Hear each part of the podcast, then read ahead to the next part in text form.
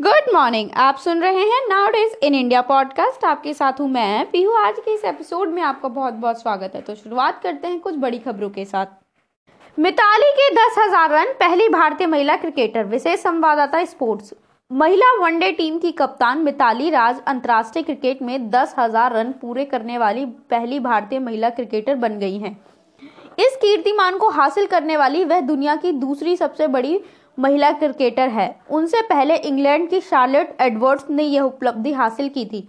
मिताली ने south Africa के खिलाफ मैच में जैसे ही 35 रन पूरे किए, वह दस हज़ार क्लब में आ गई। हालाँकि यह मैच साउथ अफ्रीका ने जीता।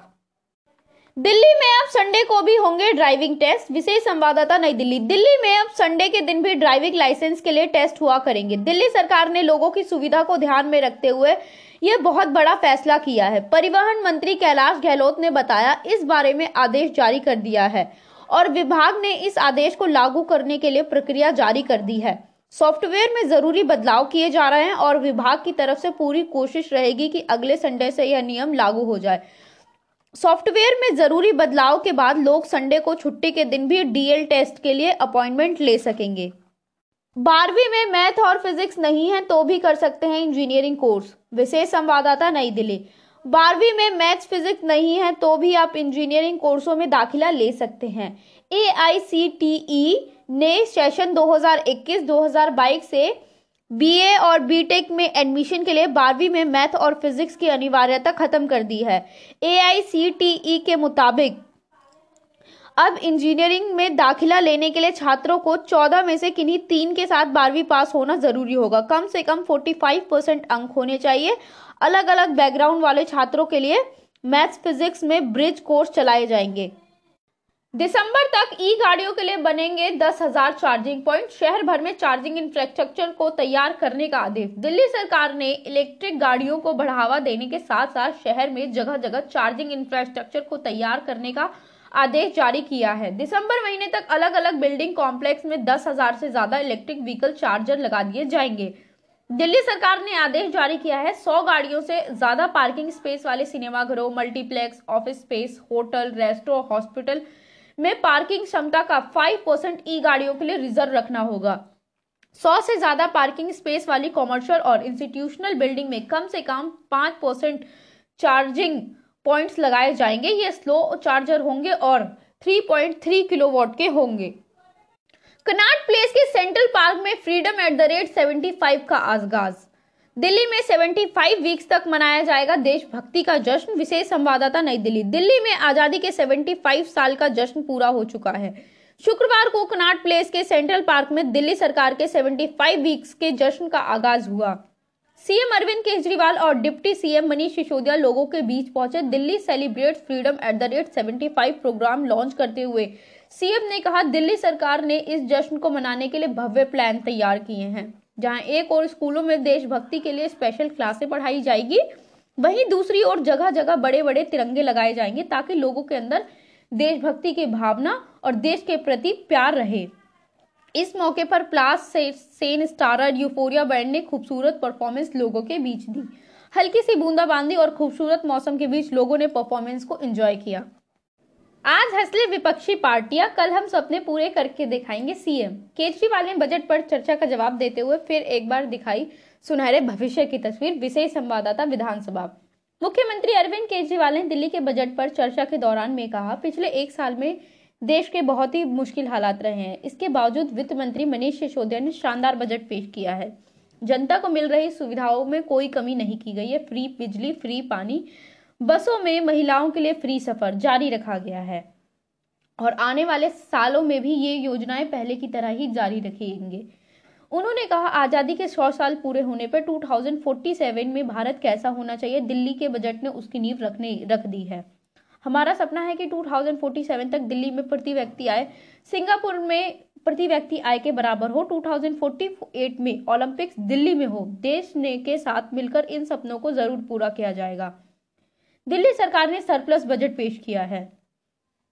बेरोजगारी के खिलाफ एनएसयूआई ने निकाला मार्च, विशेष संवाददाता Nai Delhi. National Student Union of India, NSUI ने देश में बढ़ती बेरोजगारी, स्टूडेंट्स के मुद्दे, नौकरी दो या डिग्री वापस लो कैंपेन के तहत छात्र अधिकार मार्च निकाला।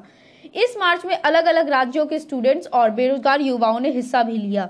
छात्र अधिकार मार्च, एनएसयूआई ने राष्ट्रीय मुख्यालय से शुरू होकर संसद भवन की तरफ़ बढ़ी। तो पुलिस ने स्टूडेंट्स को रोक लिया और कईयों को हिरासत में लिया। एनएसयूआई ने, के राष्ट्रीय सचिव लोकेश चुग ने बताया, पुलिस ने 200 से ज़्यादा एनएसयूआई कार्यकर्ताओं और स्टूडेंट्स को हिरासत में लिया है। एनएसयूआई के राष्ट्रीय अध्यक्ष नीरज कुंदन ने कहा, हम छात्र अधिकार मार्च के ज़रिए केंद्र में बैठी बीजेपी सरकार को जगाने का काम करेंगे और सरकार से अनुरोध करते हैं, जल्द से जल्द सभी सरकारी पदों पर भर्ती की जाए और स्टूडेंट्स को स्कॉलरशिप जारी की जाए। शुरुआत करते हैं कोविड बुलेटिन की। राजधानी में फिर लौट रहा है दुश्मन। मत तोड़िए अपने सुरक्षा का चक्र। विशेष संवाददाता नई दिल्ली। राजधानी में एक बार फिर कोरोना संक्रमण की रफ्तार तेज़ी से बढ़ने लगी है। खाली हो चुकी ओपीडी में फिर से नए मरीज़ पहुँचने लगे हैं। मरीजों को ऑक्सीजन की ज़रूरत भी हो रही है। कई को वेंटिलेटर पर रखना पड़ रहा है, जबकि वायरस वही पुराना है। डॉक्टर का कहना है कि लोगों में डर खत्म हो गया है। लोग बहुत ज़्यादा लापरवाह हो चुके हैं। सिर्फ़ चालान से बचने के लिए लोग हेलमेट की तरह मास्क लटकाए रहते हैं। अधिकतर लोग सही तरह से मास्क भी नहीं लगाते।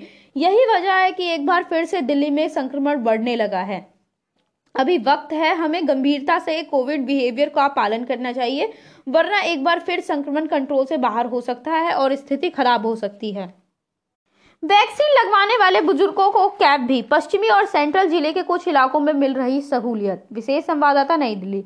कोरोना के बढ़ते मामले को देखते हुए अब जिला प्रशासन की टीमें कोशिशों में जुट गई है। अधिक से अधिक लोगों का वैक्सीनेशन हो जाए, उन लोगों को टारगेट किया जा रहा है। जो लोग बुज़ुर्ग तकनीकी कारणों से वैक्सीनेशन नहीं करवा पा रहे हैं, ऐसे में लोगों तक प्रशासन की टीमें पहुंचकर न सिर्फ़ उनका रजिस्ट्रेशन कर रही है, बल्कि उन्हें कैब में बैठाकर पिक एंड ड्रॉप की सुविधा भी दे रही है। पश्चिमी और सेंट्रल दिल्ली में यह व्यवस्था शुरू हो गई है। लगातार दूसरे दिन दिल्ली में 400 से ज़्यादा मरीज़ विशेष संवाददाता नई दिल्ली। दिल्ली में लगातार दूसरे दिन 400 से अधिक नए मरीजों की पुष्टि हुई है और संक्रमण रेट में इजाफा हुआ है। शुक्रवार को जारी रिपोर्ट के अनुसार दिल्ली में 24 आवर्स में 72,031 सैंपल की जाँच की गई इस जिसमें से 0.60 परसेंट सैंपल पॉजिटिव पाए गए। यहाँ चिंता की बात है कि एक दिन पहले कोरोना के 400 नए मामले सामने आए थे और संक्रमण रेट 0.59 परसेंट था। एक दिन बाद दोनों में इजाफा देखा जा रहा है। शुरुआत करते हैं राजनीति स्पेशल की। ममता डिस्चार्ज राजनीति रिचार्ज विशेष संवाददाता कोलकाता। पश्चिम बंगाल के मुख्यमंत्री ममता बनर्जी को शुक्रवार को अस्पताल से छुट्टी दे दी गई। वह व्हील चेयर पर अस्पताल से निकली। डॉक्टरों ने उन्हें सात दिन तक आराम करने की सलाह दी है। इस बीच टीएमसी सांसदों ने दिल्ली में निर्वाचन आयोग के अधिकारियों से मुलाकात कर मामले में उच्च स्तरीय जाँच की मांग की और कहा कि यह ममता बनर्जी के खिलाफ एक साजिश है। वही निर्वाचन आयोग ममता बनर्जी के घायल होने की घटना पर उनकी सुरक्षा की जिम्मेवारी संभालने वाले पुलिस कर्मियों को चूक के लिए दंडित कर सकता है। चुनाव आयोग के एक वरिष्ठ अधिकारी ने कहा, आरोप दंड पर फैसला लेने से पहले राज्य सरकार और चुनाव के लिए तैनात पर्यवेक्षकों से रिपोर्ट मिलने का इंतज़ार कर रहा है। पर्चा भर शुभेंदु बोले, मैं ममता को हराऊँगा। विशेष संवाददाता हल दिया बीजेपी नेता शुभेंदु अधिकारी ने शुक्रवार को नंदीग्राम सीट से नामांकन दाखिल किया।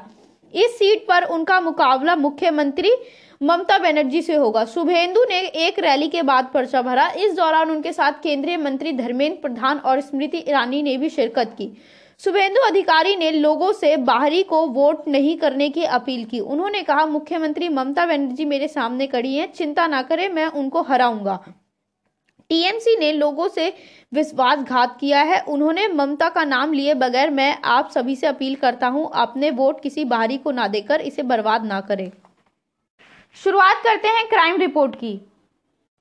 हफ़्ता वसूली का विरोध करने पर की गई थी प्रॉपर्टी डीलर की हत्या, विशेष संवाददाता नजफगढ़। नजफगढ़ में जबरन उगाही और हफ़्ता वसूली से जुड़े अपराध लगातार बढ़ रहे हैं। नजफगढ़ थाने के पास सात मार्च को हुई प्रॉपर्टी डीलर सुशील की हत्या में वीकली बाज़ार से हफ़्ता वसूली करने का विरोध की वजह से अंजाम दी गई। दिन दहाड़े पुलिस थाने के सामने ही नंदू गैंग के शार्प फीटर ने गोलियाँ चलाकर इस वारदात को अंजाम दिया। पुलिस ने एटीएस की हत्या में शामिल एक आरोप, मनोज राठी को गिरफ़्तार कर लिया है।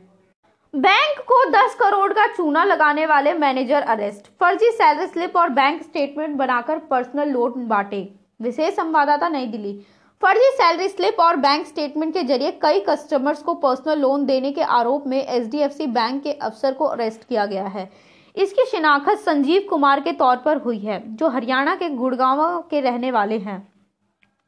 गड़बड़ झाले के समय वह गुड़गावा ब्रांच में असिस्टेंट बैंक मैनेजर थे। इस मामले में दिल्ली पुलिस की आर्थिक अपराध शाखा ईओडब्ल्यू बैंक के तीन अफसरों रामचीस, विनोद प्रसाद और तबरेज कमाल को पहले ही गिरफ़्तार कर चुकी है, जो फ़िलहाल जेल में हैं। महिला दोस्त के घर के बाहर फायरिंग दो अरेस्ट विशेष संवाददाता नई दिल्ली। फ़ोन ब्लॉक करने से गुस्साए एक प्रॉपर्टी डीलर ने राजौरी गार्डन थाना में अपनी महिला मित्र मेकअप आर्टिस्ट के घर के बाहर फायरिंग कर दी। फायरिंग का मकसद था डराना, धमकाना, ताकि वह उससे संबंध ना तोड़े। पुलिस का कहना है, मामले में दो पहलू हैं। पहली, महिला मित्र ने आरोपी का नंबर ब्लॉक कर दिया था। दूसरी, महिला मित्र ने अपने दोस्त से काफ़ी पैसे उधार लिए थे, जो वापस देने में वह आनाकानी कर रही थी। मामले में मुख्य आरोपी समेत दो को गिरफ़्तार किया गया है। वेस्ट दिल्ली के डीसीपी उर्वजी गोयल ने बताया कि गिरफ़्तार मुर्जिमों में सुरेश कादियान उम्र बत्तीस और पवन उम्र पैतालीस है। दोनों झज्जर जिला हरियाणा के रहने वाले हैं। मनी एक्सचेंजर से ठगी करने के आरोपी को पकड़ा। विशेष संवाददाता नई दिल्ली, मोती नगर थाना इलाके में एक विधायक की आवाज़ निकालकर voice cloning international money exchange company के डायरेक्टर राजेश खेड़ा से छह लाख रुपए की ठगी करने वाले मामले में पुलिस ने आरोपी को मुंबई से पकड़ा है। आरोपी के पास कोई पैसा तो नहीं मिला है, लेकिन तफ्तीश में कुछ और लोगों को इस तरह से ठगने की बात सामने आ रही है। गाड़ी चुराने वाले गैंग के दो बदमाश गिरफ़्तार, चौदह टू व्हीलर बरामद किए। विशेष संवाददाता नई दिल्ली। गोकुलपुरी थाना पुलिस ने मेरठ गैंग के गाड़ी चोर गैंग का भांडाफोड़ किया है। इनसे 14 टू व्हीलर बरामद किए गए हैं। आरोपियों की पहचान मेरठ के लिसाड़ी गेट के रहने वाले रद्दाम उम्र 24 और सोहेल उम्र 23 के तौर पर हुई है। रद्दाम पर पहले ही गाड़ियाँ चोरी करने के पाँच, जबकि सोहेल पर गाड़ियाँ चोरी करने के दो मुकदमे दर्ज हैं। पुलिस अब गाड़ियों के चेसिस और इंजन नंबर से उनकी मालिकों का पता लगा रही है। युवक पर गोलियाँ बरसाई हालत गंभीर। विशेष संवाददाता नई दिल्ली, नॉर्थ ईस्ट ज़िले के जाफराबाद थाना इलाके के चौहान बंगार में शुक्रवार शाम को बदमाशों ने एक युवक पर ताबड़तोड़ गोलियाँ बरसा दी। जख्मी तस्लीम को जीटीबी अस्पताल में भर्ती कराया गया है, जहाँ उनकी हालत अभी तक नाजुक बनी हुई है। परिजनों से पूछताछ कर मामले के तह तक जाने की कोशिश की जा रही है। शुरुआती जाँच में पुलिस अपनी अपनी आपसी रंजिश और समेत कई एंगल से जाँच कर रही है।